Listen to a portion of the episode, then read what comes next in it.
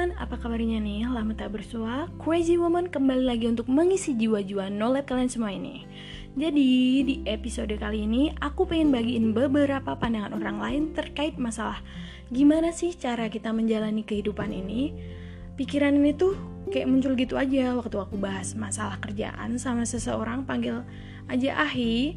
Dia kerja sampingan yang gak berkaitan dengan hobi ataupun jurusan kuliah yang lagi diambil setauku sih dia itu musisi yang selera musiknya keren sih anti mainstream gitu. Suka aku bahas musik sama dia. Tukeran playlist mungkin buat referensi atau kalau pengen suasana musik yang berbeda kayak gitu. Terus dia tuh menurutku pikirannya unik. Tibalah dalam uh, percakapan chat kita. Kayak gini semalam. Aku nanya kamu kan hobinya bermusik. Kenapa nggak kamu tekuni bidang itu Terus dia jawab, kalau sebuah hobi di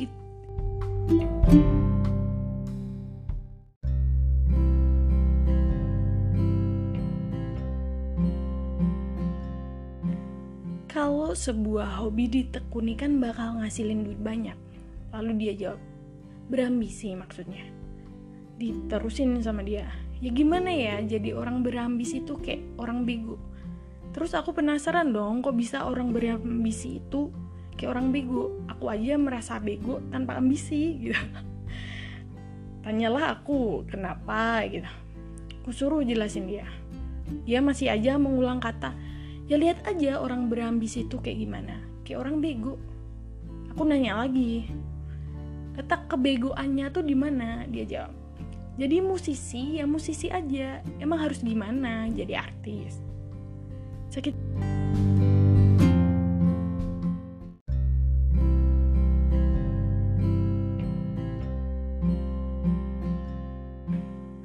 seketika aku mikir ya juga ya musisi ya musisi aja. Kecuali kalau emang pengen cari duit dari bidang itu ya terpaksa harus ngambis gitu. Aku makin penasaran dong sama pikiran dia. Aku tanya lah lagi. Aku pengen tahu jalan pikiranmu. Gimana sih cara menghadapi kehidupan yang selalu menuntut kita untuk jadi yang superior? Apa emang aku aja yang mikir kalau dunia tuh kayak gitu kita bakal dihargai atau nggak dipandang sebelah mata kalau kita punya sisi unggul atau kelebihan. Kalau nggak punya, mau gimana menghadapi dunia yang keras ini? Dia jawab dengan entengnya kayak gini. Aku sih nggak terlalu mengikuti sistem sih, relax aja, jangan dibikin sepaneng. Aku pun juga nggak mau jadi superior, ngapain? Capek juga kerja buat orang lain. Kalau kamu ngejar duit, nggak bakal ada ujungnya.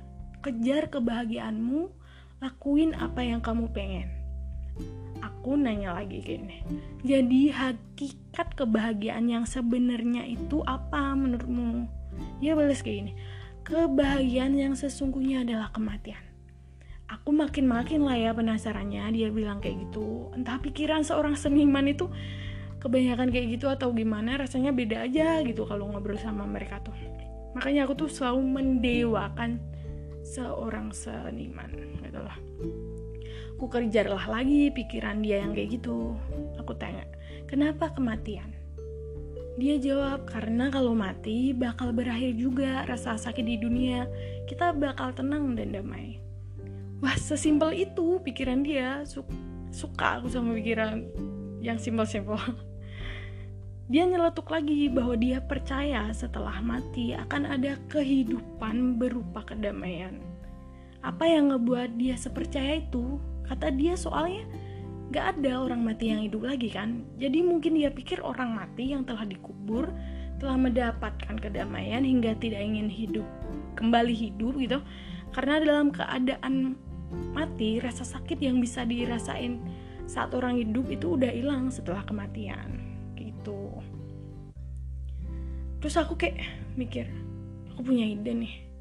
Aku makin penasaran lagi sama pikiran orang yang berbeda-beda selain dia gitu. Pasti tiap orang punya sudut pandang yang unik saat menjalani kehidupan ini. Aku langsung kepikiran buat ngangkat tema ini ke podcastku dan aku nawarin ke teman-teman di WA aku lewat status di WA tentunya untuk saling bertukar pikiran tentang pandangan kehidupan dari mereka gitu responnya alhamdulillah banyak yang respon berarti kalian emang suka gitu tengah malam melakukan deep talk gitu. Apalagi soal kehidupan. Yang pertama nih respondennya dari Mas Zulfikar. Zulfikar. Cowok ini cowok kelahiran Padang lahir di bumi Sunda Bandung tepatnya tapi sekarang sedang menjalani kehidupan di Jogja Dasar si padang ketumbuhan sebelah yang kegujur kudek kok ya. Kata dia, menjalani kehidupan itu tentang bagaimana kita selalu melibatkan orang lain di dalamnya. Karena kita itu makhluk sosial, nggak mungkin nggak melibatkan orang lain.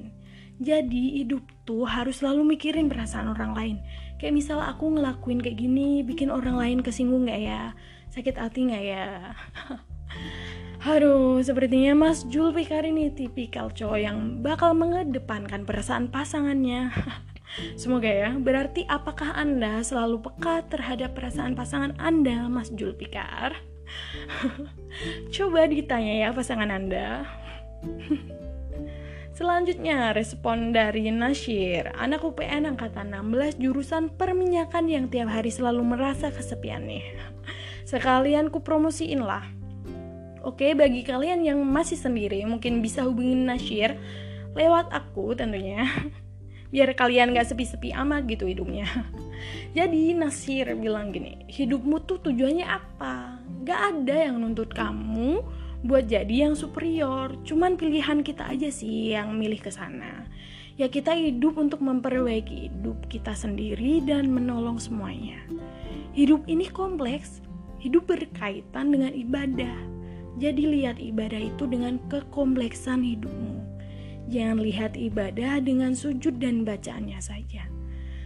Hmm, diem-diem ini anak religius juga ya, memandang kehidupan dengan beribadah. Oke, lanjut ke responden selanjutnya yaitu Ari. Ari di sini bukan Ari Lasso ya, apalagi Ari Untung. bukan. Ari ini temen kos asalnya dari Lampung, namanya kayak cowok tapi wujudnya cewek cuy. Jangan terkecoh ya kalian.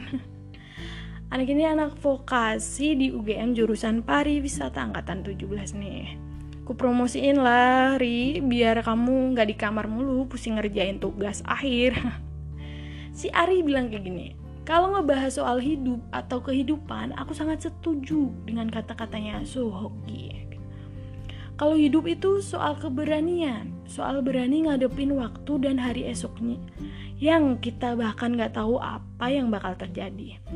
Kayak kita itu manusia, misal, benar-benar berada di posisi jalan yang nggak ada ujungnya, nggak tahu di depan jalan itu bakalan ada apa, dan menurutku siapa pun itu, dia yang bisa bertahan sampai habis waktunya dalam hidup yang penuh tanda tanya ini, dia betulan yang pemberani sih. Kita tahu banget sekarang banyak yang struggling hanya karena mikirin hari esok yang masih abu-abu.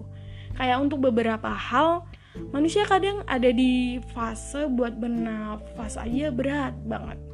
Makanya kita semua yang masih bertahan hidup yang penuh tanda tanya ini kita itu pemberani banget.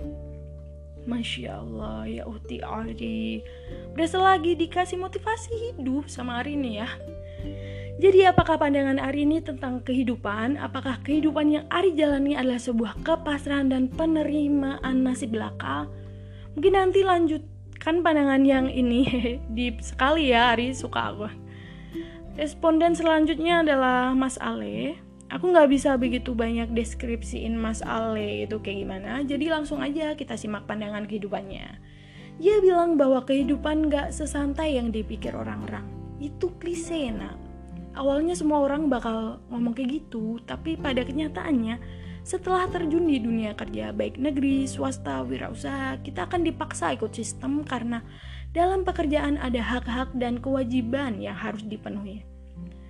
Oke, begitu pandangan seorang Mas Ale. Jadi, apakah menurut Mas Ale dan teman-teman pendengar podcast yang nggak bermutu ini, jadi apakah hidup itu akan otomatis mengikuti sistem dunia yang ada saat ini. You know lah, seperti yang kita bicarakan di awal tadi. Ya, oke okay, selanjutnya respondennya dari bapak aku, bapak angkatku pas KKN yang hobinya main PUBG seharian di depan komputernya, rebutan sama Alif. Ih, ngalah lah Pak Udin. Nanam sawit kek, apa kek. Jadi beliau bilang kayak gini, cara menjalani kehidupan itu ya dengan mengikuti kata hati. Tapi dengan catatan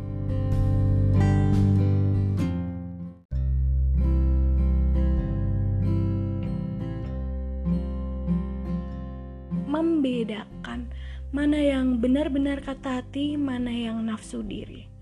Makanya yang penting biar bisa bedain mana kata hati, mana nafsu diri, perlulah ilmu untuk pendengar.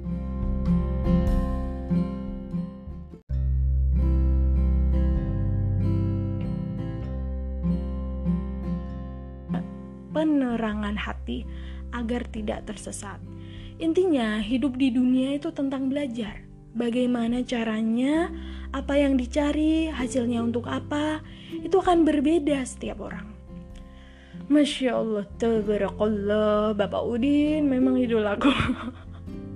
Oke teman-teman, berat sekali ya topik pembicaraan kita kali ini. Suka sih aku, biar nggak bercanda mulu gitu hidupku biar agak serius dikit lah. Dan sebenarnya biar aku juga bisa punya referensi buat ngejalanin hidup tuh harus kayak gimana sih. Soalnya bingung juga padahal umur udah segini tuanya tapi masih cari tujuan hidup. Kayak kehausan mencari jati diri cele berat berat.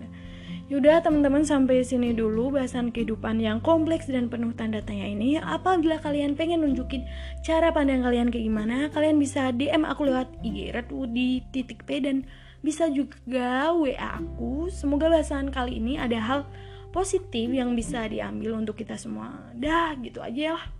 Salam jancuk padamu. Bye bye.